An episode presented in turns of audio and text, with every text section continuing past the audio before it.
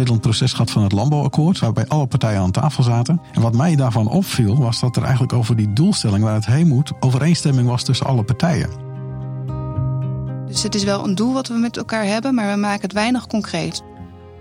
Je luistert naar Expeditie Landbouw. In deze podcast van Wageningen Economic Research nemen we steeds een ander aspect van ons landbouw- en voedselsysteem onder de loep. Dat doen we met wisselende gasten van binnen en buiten de organisatie. Met elkaar proberen we antwoorden te vinden op die prangende vraag: hoe kunnen we goed leven binnen de grenzen van de planeet op een manier die voor iedereen eerlijk is? Onze sociaal-economische expertise en onze data en modellen helpen daarbij. Vandaag maken we een grote sprong van het mondiale voedselsysteem dat we in de vorige podcast bespraken naar de landbouw in Nederland. Een veelbesproken onderwerp waarover veel partijen in Nederland elkaar in de haren lijken te vliegen. Maar zijn er eigenlijk wel zoveel meningsverschillen? En hoe zou die toekomst voor de landbouw er dan uit kunnen zien? En wie zou daar wat aan kunnen bijdragen?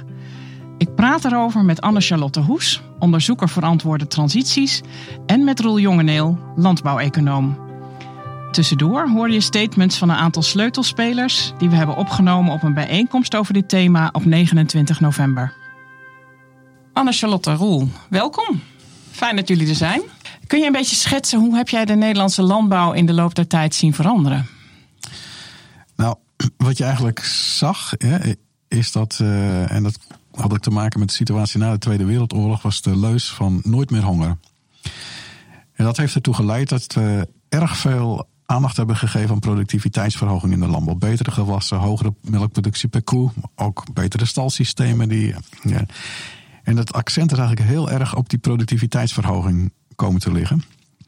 En daar zijn we ook heel succesvol in geweest. Alleen wat je ziet is dat het eigenlijk doorgeslagen is. Eh, want het leidde er ook toe om die productiviteit hoger te krijgen. Kijk, je kan de melkproductie van een koe uh, niet alleen verhogen door die koe meer gras te laten eten. Dan moet er ook meer krachtvoer gebruikt worden. En, en, en, en het leidde er, ertoe dat er ook veel meer krachtvoer, meer kunstmest, meer pesticiden. Dus we hebben heel veel meer input zijn we gaan gebruiken. Die uiteindelijk een stuk belasting op het milieu creëren. En daar zitten we vandaag een beetje met de, met de brokken, zou je kunnen zeggen. Die milieubelasting die, die, die leidt ertoe dat we met een aantal problemen zitten te maken. Het bekendste is natuurlijk het stikstofprobleem. Maar het gaat niet alleen over stikstof. Eigenlijk is het een probleem van heel ons geïntensiveerd landbouwsysteem. Het, het, speelt met broeikasgassen, het speelt bij fosfaat, het speelt bij ammoniak, uh, het speelt bij nitraat of, of uh, grondwaterkwaliteit en biodiversiteit. Het speelt heel breed. Het speelt heel breed. En eigenlijk moeten we op al die punten ja, een, een, een belangrijke correctie gaan maken. Hoe, hoe zie jij de staat van de landbouw in zijn algemeenheid op dit moment? De Nederlandse landbouw is gespeeld in de, in de top van de, van de wereld. Hè. Dus in, in die zin is die staat van die landbouw goed. Alleen, dan kijk je vooral vanuit dat productiviteitsoogpunt. Als je nu al kijkt van de groei van de voedselproductie in de wereld, die komt voor 75 procent vanuit de groei van de producties per hectare. Dus die productiviteitsverhoging is eigenlijk de belangrijkste factor achter de groei van de voedselproductie. Dus dat betekent ook als je naar de toekomst kijkt, dat die productiviteit, dat blijft eigenlijk een heel belangrijk item. Uh, en misschien in Nederland lokaal wat minder, omdat we daar ook met andere milieufactoren te maken hebben. Maar wereldwijd is dat echt nog wel een, een heel belangrijk issue. Omdat het eigenlijk de enige factor is die voor die groei van de wereldvoedselproductie en dus ook de voedselzekerheid kan, mee kan zorg dragen. Anne-Charlotte, wat, wat valt jou eigenlijk op aan de landbouw in Nederland? Het valt mij op als je kijkt naar de, de, huidige situatie, dat we eigenlijk er niet meer zo heel veel boeren zijn. 100 jaar geleden hadden we echt nog een behoorlijke grote groep boeren. En elk jaar zie je dat de groep boeren zeg maar kleiner wordt. Dat uh, betekent dus dat het steeds minder, uh, per, een kleiner percentage van de Nederlandse bevolking uh, in de agrarische sector werkt, of in ieder geval ook boer is. Um, en wat me ook opvalt, is dat het in Nederland natuurlijk heel erg rond bepaalde sectoren is gespecialiseerd. Uh, dat die boeren van verschillende sectoren ook niet echt heel erg veel met elkaar praten. Sommige ietsjes meer, maar je ziet dus ook dat het best wel geclusterd is rond bepaalde gebieden in Nederland. En dat er heel veel specialisme en expertise zit. En ik denk ook dat er is op een gegeven moment een gedachte geweest dat het een beetje af was, de landbouw in Nederland vanuit de overheid. Dus die hebben een terugtrekkende beweging gemaakt. En uh, dat misschien ook wel daarom sommige signalen van de maatschappij, van bepaalde zorgen die er zijn rond dierenwelzijn, Of over ehm, de ruimtelijke ordening in Nederland. Van, we hebben natuurlijk maar beperkte ruimte in Nederland. Dus ik denk dat dat ook een van de redenen is waarom we ook zo ontzettend intensief zijn gaan boeren. Um, ja, van bepaalde vraagstukken zijn toch wat minder misschien uh, in die sectoren ook niet helemaal misschien goed binnengekomen. Maar zeg jij daarmee van door die vergaande specialisatie krijg ik de indruk dat de, uh, sommige sectoren het contact met de maatschappij wat zijn kwijtgeraakt? Ja, dat gevoel heb ik wel. Ja. Roel, herken je dat? Ja, herken ik wel. Ja, ja zeker herken ik wel. Ja, ja. En wat, wat zien jullie um, eigenlijk als grootste uitdaging voor de, waar de landbouw nu mee te maken heeft? Ja, de kernuitdaging voor, voor, voor mij is ligt eigenlijk op twee punten. De eerste is, we moeten weer binnen de grenzen van het milieu gaan produceren. Dat raakt verschillende dingen. Dat gaat over biodiversiteit, gaat over water, het gaat over klimaat, uh, stikstof. Dat is een omslag. En de andere kant is wat Anne Charlotte ook noemt, hè, dat die verbinding en, en het, het opnieuw inbedden van de landbouw in, in, in ons maatschappelijk systeem een hele belangrijke is. Uh, en dat zijn belangrijke dingen. Ik denk dat boeren ook echt een, te maken hebben met een lock-in uh, met hun bedrijfsvoering vaak. Ik bedoel met een lock-in dat uh, Roel wist heel mooi te vertellen over hoe die uh, intensivering zeg maar, plaats heeft gevonden.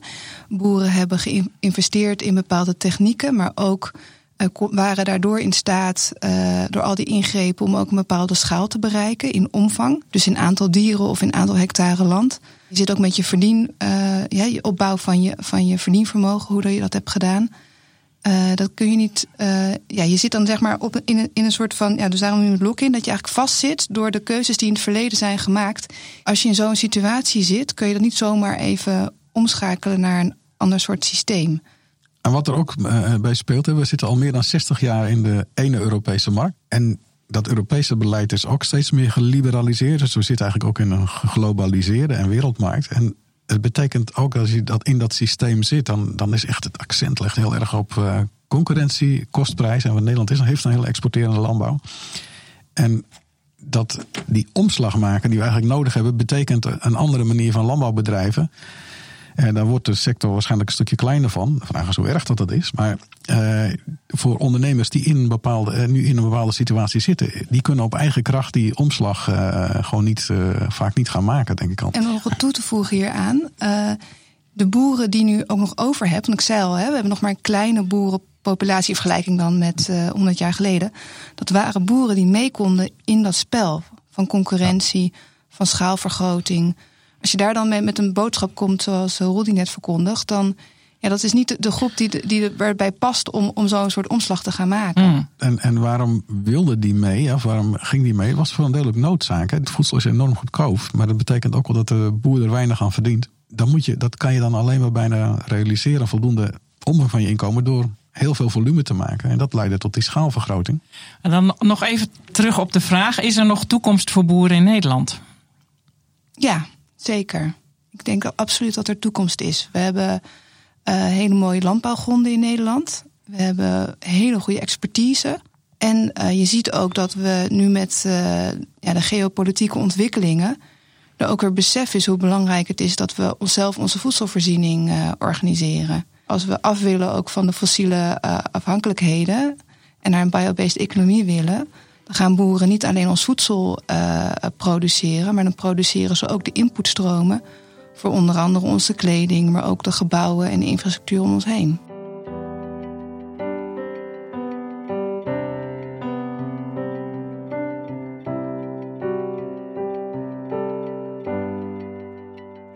Als ik zo van een afstand kijk, lijkt er nog niet heel veel consensus over waar het naartoe moet in de Nederlandse landbouw. En tegelijkertijd heb ik het idee dat er vanuit de wetenschap best wel wat ingrediënten zijn aan te reiken. Van waar moet het naartoe? Uh, Roel, hoe zie jij dat? We hebben Nederland een proces gehad van het landbouwakkoord, waarbij alle partijen aan tafel zaten. En wat mij daarvan opviel, was dat er eigenlijk over die doelstelling waar het heen moet, best redelijk snel ook overeenstemming was tussen alle partijen. Eh, de manier, hoe gaan we daar komen? Hè? bij die, mhm. hoe gaan we bij die doelen komen? En, en wat, wat betekent dat concreet van uh, wie welke inspanningen gaat doen? En, en hoe worden we daarbij geholpen? Daar liep het eigenlijk op fout. Hoe ziet die consensus er dan uit? Als jij zegt van er is uh, best veel overeenstemming over waar het heen moet? Eigenlijk een, een, een landbouw die ehm, op een meer duurzame wijze produceert. Nou, dan kan je dus wel die mate waarin dat is, dat, daar kan je over verschillen. Maar er liggen gewoon een aantal doelen en afspraken waarvan ook iedereen weet van ja, daar, hebben, daar liggen commitments, daar moeten we ook aan gaan voldoen. Um, Remkes heeft het over gehad over uh, hoeveel ammoniakuitstoot naar beneden moet om de staat van natuurgebieden in, op een redelijke staat te krijgen. Dus er liggen best wel een heel aantal dingen um, redelijk goed ook vast. Alleen op een heel hoog niveau. En een van de kernproblemen die ik zie is eigenlijk dat we hebben op nationaal niveau een aantal commitments gemaakt. Maar op het boerenerf, wat de boer nu moet, precies moet doen, is er eigenlijk gewoon helemaal geen helderheid en zekerheid van hoe zich dat vertaalt van, van het hoge niveau naar, naar zijn bedrijfsniveau. En daarmee weet die boer, aan de ene kant hoort hij allerlei verhalen van dingen die hij moet doen, maar hij weet niet precies wat het voor zijn bedrijf betekent. En als hij dan dingen gaat doen op zijn bedrijf, dan weet hij ook niet van wanneer heb ik genoeg gedaan. En, uh, en als ik vandaag dingen doe, is dat dan ook morgen nog goed? Mm Daar liggen de hele grote problemen. Merk jij dat ook, Anne-Charlotte? Ja, ik denk dat het heel mooi was in de visie van kringlooplandbouw... dat een poging was om die bij elkaar te brengen. Maar je kan je voorstellen als boer dat de ene keer komt iemand op je erf... die het heeft over waterkwaliteit. En de andere keer gaat het opeens over stikstof wat via de lucht gaat. Uh, dan moet je uh, vanwege gewasbeschermingsmiddelen weer andere uh, zaken doen. Ja, je wordt aan verschillende kanten wordt je, geduwd en ook andere kanten op. Bijvoorbeeld de overheid die wil graag uh, meer richting uh, extensivering om doelen te bereiken. Als je kijkt naar uh, de zuivelfabrieken, een hoop daarvan praten liever over klimaatneutrale melk. Wat een hele andere kant op stuurt. Wat veel meer gaat juist over misschien koeien ook binnenhouden. Um, dus ja, dan, dan krijg je dus van verschillende partijen om de boer heen... krijg je andere soorten signalen te horen...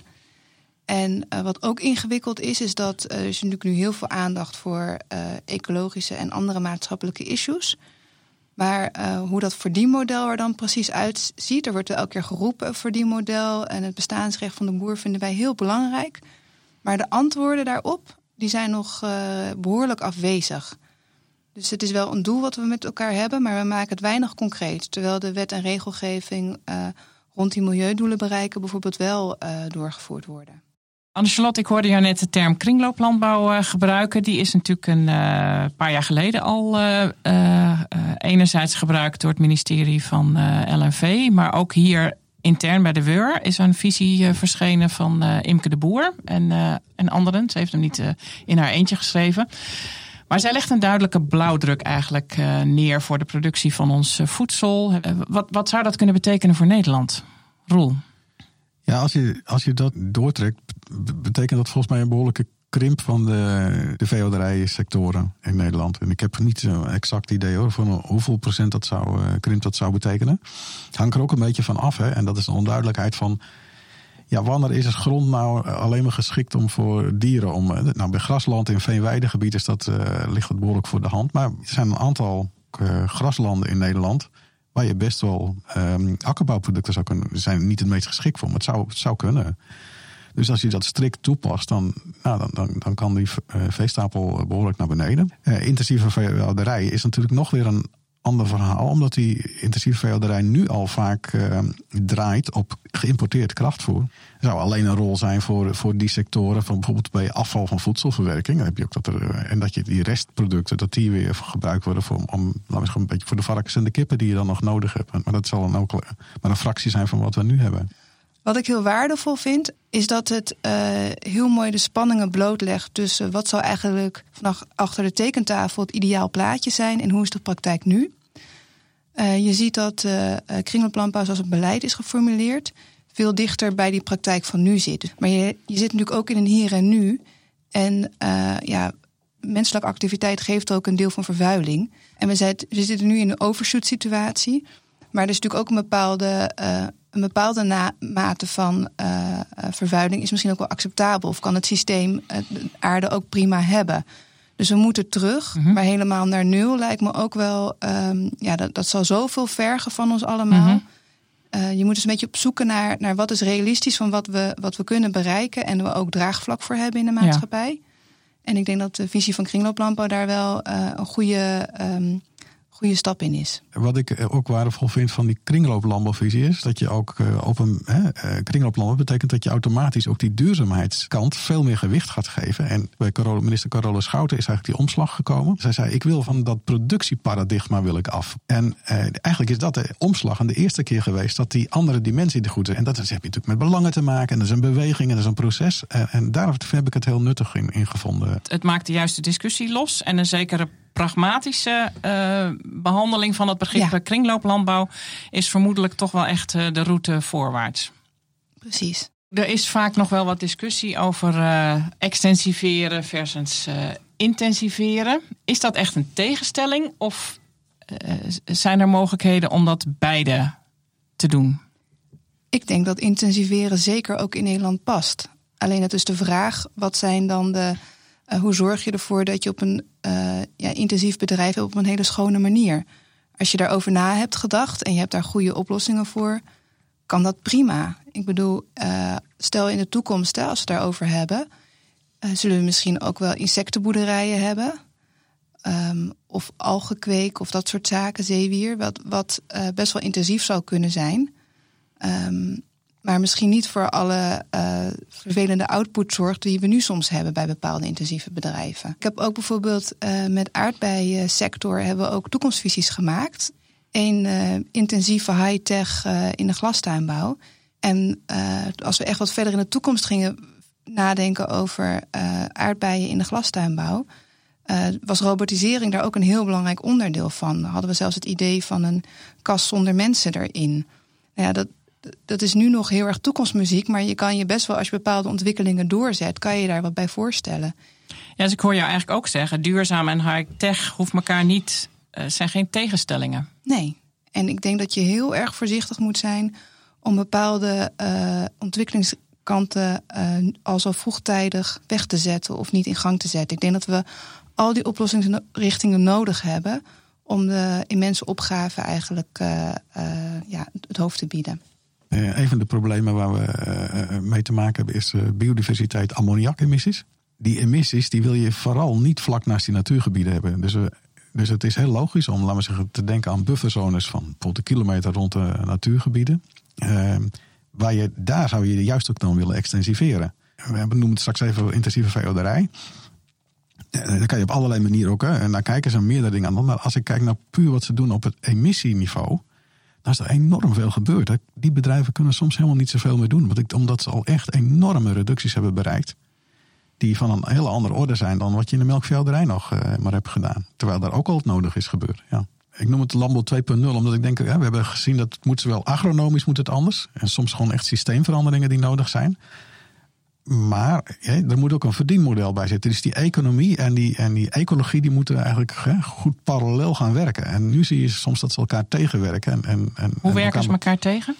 Nou, omdat bijvoorbeeld. Uh, ja, er, zijn, voor die verduurzamingen zijn al een aantal jaar geleden een heel aantal maatregelen genomen. Zoals bijvoorbeeld meer weidegang, uh, minder eiwit in je voer doen en een aantal andere. Zogenaamde bronmaatregelen. En dat zou ook helpen. Dat is ook relatief goed te doen, helemaal niet zo kostbaar.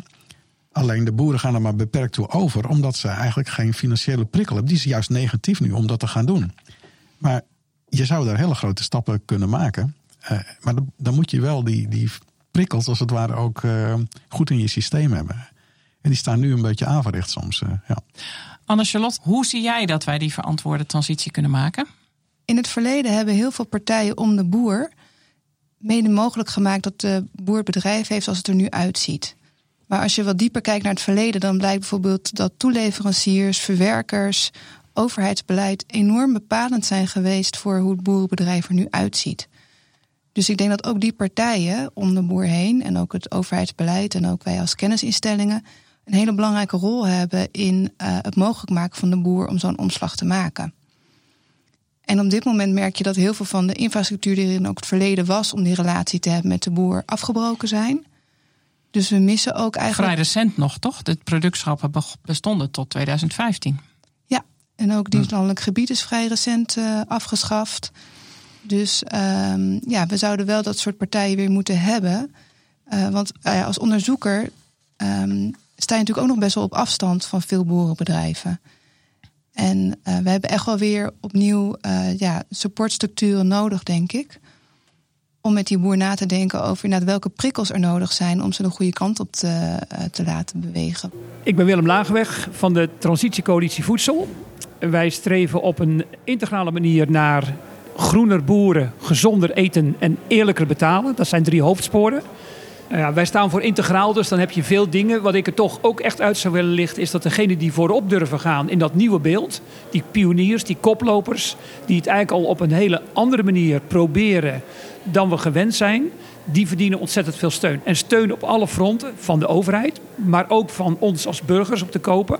Maar ook van alle kennisinstellingen en ketenpartijen om die sector heen. Steun die boeren. Er werd heel, uh, uh, ja, toch wel een beetje pijnlijk verwezen naar een koploper die het nu weer heel moeilijk heeft vandaag. die, die eigenlijk doet wat we willen. En toch nog moeite heeft om daar een inkomen uit te halen. Daar moeten we heel veel steun aan geven. Dat was een pleidooi en dat steunen wij van harte. Anne-Charlotte, jij hebt wat meer zicht op de pioniers in de, in de landbouw. Wat is hun functie in die transitie? Ik denk juist dat, dat uh, pionierende ondernemers die met een heel creatief nieuw idee komen en dat in staat zijn om dat ook in de praktijk van de grond te krijgen, dat we daaruit heel veel, uh, uh, ja, dat, dat daaruit heel veel vernieuwende ideeën ontstaan. Ook voor de bestaande sectoren van hoe je een omslag kan realiseren. Of wat voor nieuw bedrijf. Hè, dat kan inspiratie bieden voor aanpassingen in ja, dus dan hebben ze eigenlijk een grote rol in het geven van inspiratie, hoe het anders uh, kan. Maar goed, het zijn wel altijd ondernemers en die hebben ook een bestaan uh, nodig. En het zijn van pionier is op zich niet echt een verdienmodel. Hoe zien jullie dat? Nou ja, het is ook wel buffelen hè, om, om, om nieuwe dingen. En je, je merkt ook vaak een enorme drijf bij die pioniers. Dat is ook wel stimulerend. Uh, als pioniers je krijgt soms ook een aantal zeggen, subsidies uh, die, die je in staat stellen om ook gewoon dingen verder te ontwikkelen. En breder is het natuurlijk wel zo dat er uh, daar ook veel onzekerheid zit. Niet alleen bij de boeren, maar ook bij de financiers van de boeren. En wat daarbij voor mij daar altijd belangrijk bij is, als, ik, als je dat verdienmodel van morgen wil begrijpen, dan moet je eerst kijken wat was het verdienmodel van gisteren. En dat verdienmodel van gisteren was eigenlijk twee dingen. Aan de ene kant was dat uh, schaalvergroting uiteindelijk. Hè? Daar hebben we het straks al een keer over gehad, schaalvergroting. Omdat die voedselprijzen steeds lager werden, die marges steeds lager werden, moest je meer volume per bedrijf halen om je, om je inkomen te verwerven. Ja, schaalvergroting was ook wel lastig, want er, uh, je moet je meer land voor hebben, grond is duur. En wat het volgende wat er gebeurde, het tweede wat er gebeurde, was dat er intensivering plaatsvond. Hè? Op die grond die je hebt, maar de zaak opjagen, opjagen. Zo is het in het verleden gegaan. En uh, we praten eens over het beleid. Beleid is best hier en daar wat geholpen. Maar eigenlijk zijn de boeren zelf steeds bezig geweest met de vernieuwing van hun verdienmodel op die manier. En daar zijn heel veel boeren ook afgehaakt in de loop van de tijd. Maar als ik dan nu even vooruit kijk, die intensivering, die past niet meer in het nieuwe, in de landbouw 2.0. Want we willen juist extensivering. Dus die pijler van het verdienmodel, die haal je eigenlijk weg. Dat betekent dus eigenlijk dat die, wil die boer zijn verdienmodel blijven ondersteunen zoals in het verleden. Dat hij dat die eigenlijk extra mogelijk extra druk op die schaalvergroting gaat komen. En daar zie ik eigenlijk een ambivalentie ook bij de politiek. Die wil eigenlijk graag kleinere bedrijven die vitaal zijn. En, die, eh, en dat is ook voor allerlei redenen eh, boeiend om dat te hebben. Alleen ik denk dat het eind van de dag het, het liedje wel eens zou kunnen zijn dat we van die bedrijven die in de toekomst blijven vragen om een heel aantal investeringen en dingen te doen. Wat ze nog meer zal drijven om naar schaalvergroting te gaan. En dan blijven er dus een stuk minder boeren over. Die er veel groter uitzien. Grote bedrijven. Eh, een paar honderd koeien en, en meer. Uh, omdat ze dus alleen maar via die schaalkant, eh, als het ware, de, hun, hun inkomen veilig kunnen stellen. Mijn naam is Tim Verhoef. Ik werk bij het ministerie van LNV, bij de afdeling strategie in het uh, kennisdomein. Um, en als ik nadenk over de toekomst van de landbouw, dan denk ik dat die niet uh, heel erg eenduidig is, maar dat er in Nederland veel ruimte is voor verschillende soorten van landbouw. Het zal allemaal wel anders zijn uh, dan nu, maar veel meer zeg maar passend binnen de omgeving waarin de landbouw is. Meer sluiten van kringlopen tussen melkveehouderij en ehm, andere dierlijke sectoren en de plantaardige uh, landbouw. Meer in balans met de natuur ook uiteindelijk. Bodemkwaliteit is daar ook heel erg belangrijk voor. En wat daarvoor heel een voorwaarde is, is dat boeren dat ook moeten kunnen waarmaken. Dat betekent dat ook de markt zal moeten belonen dat boeren uh, duurzamer werken. En dat de overheid ook moet ondersteunen, zeker om de omschakeling mogelijk te maken, maar ook nou ja, als, de, als boeren maatschappelijke diensten leveren, maatschappelijke producten leveren die we met z'n allen belangrijk vinden. Zoals een schone en gezonde leefomgeving, schoon water, minder uitstoot van broeikasgassen enzovoort. Daar moeten we als samenleving ook onze verantwoordelijkheid voor nemen om boeren ook mogelijk te maken om, dat, om daaraan te werken. De landbouw hoort heel erg bij Nederland, dus die moeten we zeg maar ook houden. Dus we moeten ook zorgen dat, er, dat boeren hier een toekomst hebben in Nederland dat boeren dat ook op hun eigen manier kunnen invullen. Maar dat zal een veel, veel kleurigere landbouw, een veel, veel kleuriger landschap opleveren dan we nu hebben.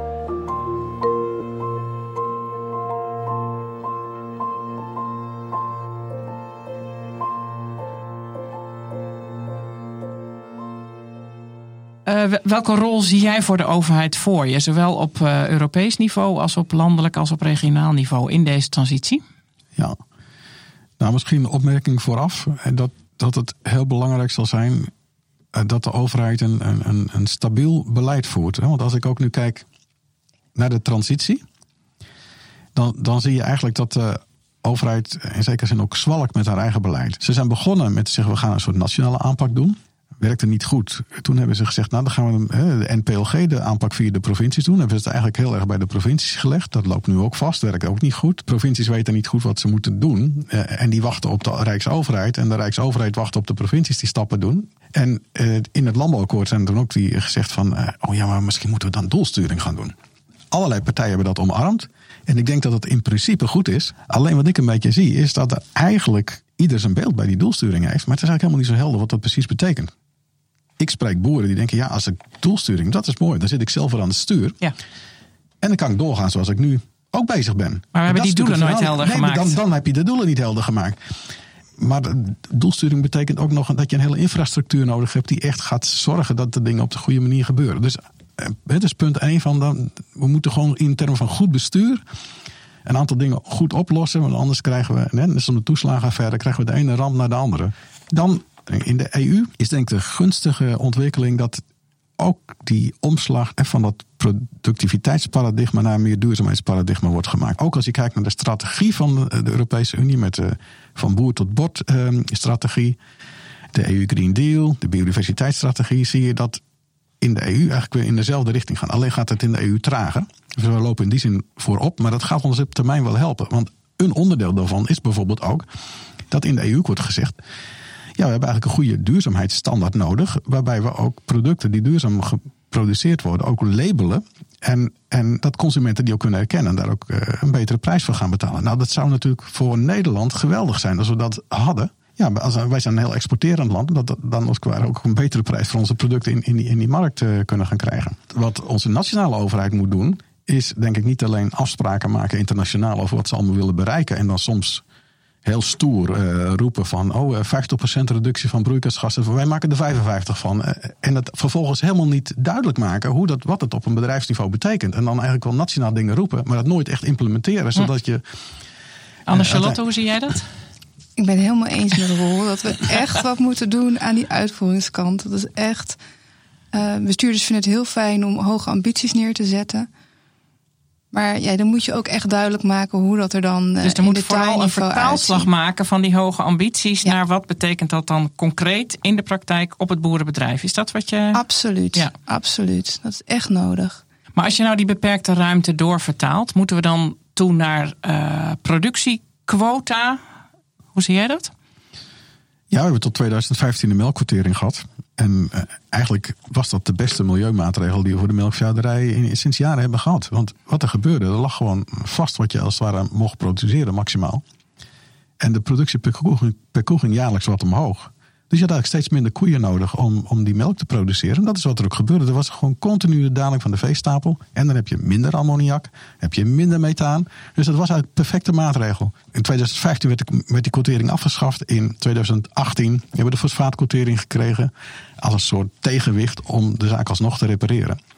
Dus die, je ziet eigenlijk dat je dan uh, zo'n quotum bijna wel nodig hebt. We hebben ook natuurlijk al dierrechten, hè? inderdaad, en fosfaatrechten. En dus het is ook wat dat betreft natuurlijk gewoon. Het is een bekend instrument. Dat hebben we, dat is er nu ook. Dus het is ook geen vrije markt. Dus dat is ook weer het idiote. Je moet wel, je, je, moet je uiteindelijk je geld verdienen uit een vrije markt. waarin je moet concurreren met, uh, met de hele wereld. Maar ondertussen hebben wij echt in Nederland een stuk een zwaar gereguleerde bedrijfstak vanwege de issues waar we tegenaan lopen. We nemen deze podcast op een dag of tien na de uh, recente Tweede Kamerverkiezingen. Hebben jullie een idee over hoe dat veranderende politieke klimaat gaat uitpakken voor de landbouwtransitie? Nou, ik denk dat de langetermijn uh, Europese regels en, en verdragen, die liggen er. En die gaan ook niet uh, nu opeens verdwijnen. Dus op de langere termijn blijft dit gewoon door. En Rol zei ook al, en ik hoor niet alleen Rol zeggen, maar ook een aantal vakbladen, ook van de boeren, van pak nu alsjeblieft wel door. Want dat zwingen, dat elke keer wijzigen en, en weer nieuwe beloftes doen die op de langere termijn niet waargemaakt kunnen worden, daar help je uiteindelijk niemand mee. Nee, dus jullie zeggen eigenlijk, er is een beweging ingezet en die moet doorgaan, maar die gaat in zekere zin ook wel door. Ja, ja die duurzaamheidsbeweging gaat denk ik zeker door. Hè? Maar ik denk toch dat er wel wat in het karakter kan veranderen. Natuurlijk liggen er afspraken in, in de Europese Unie. Daar gaat ook een dwang van uit. Hè? Dus daar kan je niet zomaar als individuele lidstaat van afwijken. Tegelijkertijd zijn politici wel degene die ook wetten, nieuwe wetten kunnen maken. En zelfs ook naar de commissie terug kunnen gaan. Zeggen van bepaalde dingen hebben wij toch heel veel last van. Of we willen op een andere manier. En ik voorzie wel dat er in dat opzicht nog wel wat discussies gaan plaatsvinden. Dus in die zin creëert het eigenlijk weer een stukje extra onzekerheid. Omdat je aan de ene kant zegt, die regels zijn er. Maar tegelijkertijd zie je dat het uh, dingen mogen niet disproportioneel zijn. Als we mm -hmm. heel veel dingen moeten doen die eigenlijk weinig opleveren, maar heel veel kosten. Ja, daar heb ik geen zin in.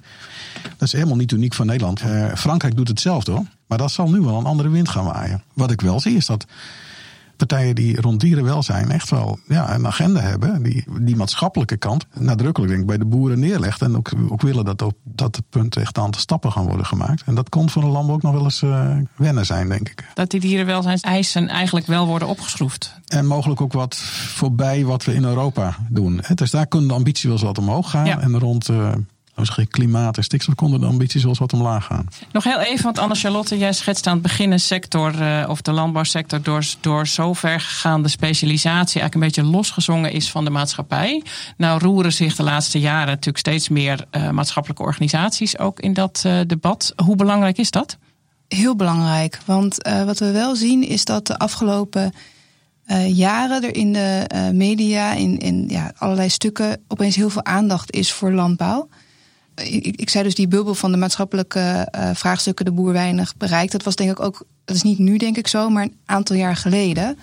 Want op dit moment uh, ja, staan de kranten en de podcast er zo vol van. Dan ter afronding, waar putten jullie hoop uit als je naar de toekomst van de landbouw kijkt? Roel? Nou, ik zie dat we hebben een goede landbouwsector met ook boeren die uh, heel vakkundig zijn. Die denk ik in een aantal richtingen ook nieuwe kennis op moeten doen. Want bij een landbouw 2.0 hoort ook een boer 2.0. Maar er zijn ook heel veel mogelijkheden om daar dingen in te verbeteren. We zitten voor een lastig traject hoe dat precies vorm te geven. Maar wat ik eigenlijk een beetje zie is wat we nu in Nederland doormaken.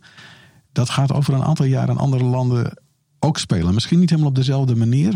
Maar als wij in staat blijken zullen zijn om, om dit op een goede manier door te gaan, dan, dan lopen we opnieuw voorop. En kunnen we, denk ik, ook daarvan heel veel betekenis zijn voor onze eigen bevolking, voor, maar ook voor Landbouw Internationaal. Anne-Charlotte? Ik put hoop uit uh, gesprekken die ik voer met allerlei betrokkenen in het hele uh, landbouwsysteem. Als je één op één gesprekken hebt of in een groepje met elkaar de, in, de, in de ogen kijkt, dan, uh, nou eigenlijk wat Roel ook al zei, wat u bij het landbouwakkoord merkte, dan is er gewoon wel een bepaalde consensus over de doelen die we met elkaar nastreven. En uh, in die gesprekken hoor ik ook uh, um, begrip over en weer. Over dat, hoe we dus vastzitten in het systeem. En ook vaak uh, hele mooie oplossingen die mensen bedenken. Ik sprak ook een oud melkveehouder die dus nu bezig is om natuur te creëren op zijn bedrijf. Ook omdat hij geen opvolging had in Twente. En die ook heel veel gesprekken voert met andere boeren. En mee te denken over wat voor bedrijfsvoeringen daar dan nog wel passen. Uh, bijvoorbeeld, je zou ook kunnen denken aan gewassen telen voor de biobased bouw. Ik word heel hoopvol van dat soort gesprekken. Dat ik zie van hé, hey, er zijn echt wel best wel, best wel veel mensen uh, die, die begrijpen echt wel wat er op en afkomen. En proberen ook anderen mee te nemen uh, om die nieuwe toekomst met elkaar vorm te gaan geven.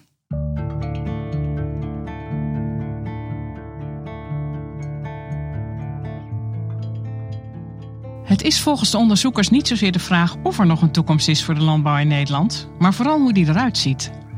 We zitten met de brokken, zoals Roel het stelt, van een landbouw die heel erg gefocust is geweest op produceren.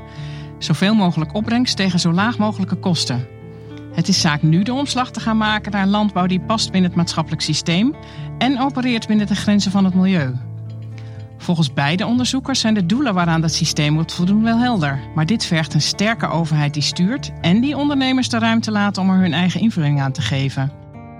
Het zal een kwestie zijn van het combineren van techniek of economie met ecologie, van intensieve landbouw met extensieve landbouw, van pioniers die vernieuwende modellen uitproberen met een grote groep gangbare landbouwers. Volgens Anne Charlotte is het ook zaak de boeren te helpen om die omslag te maken.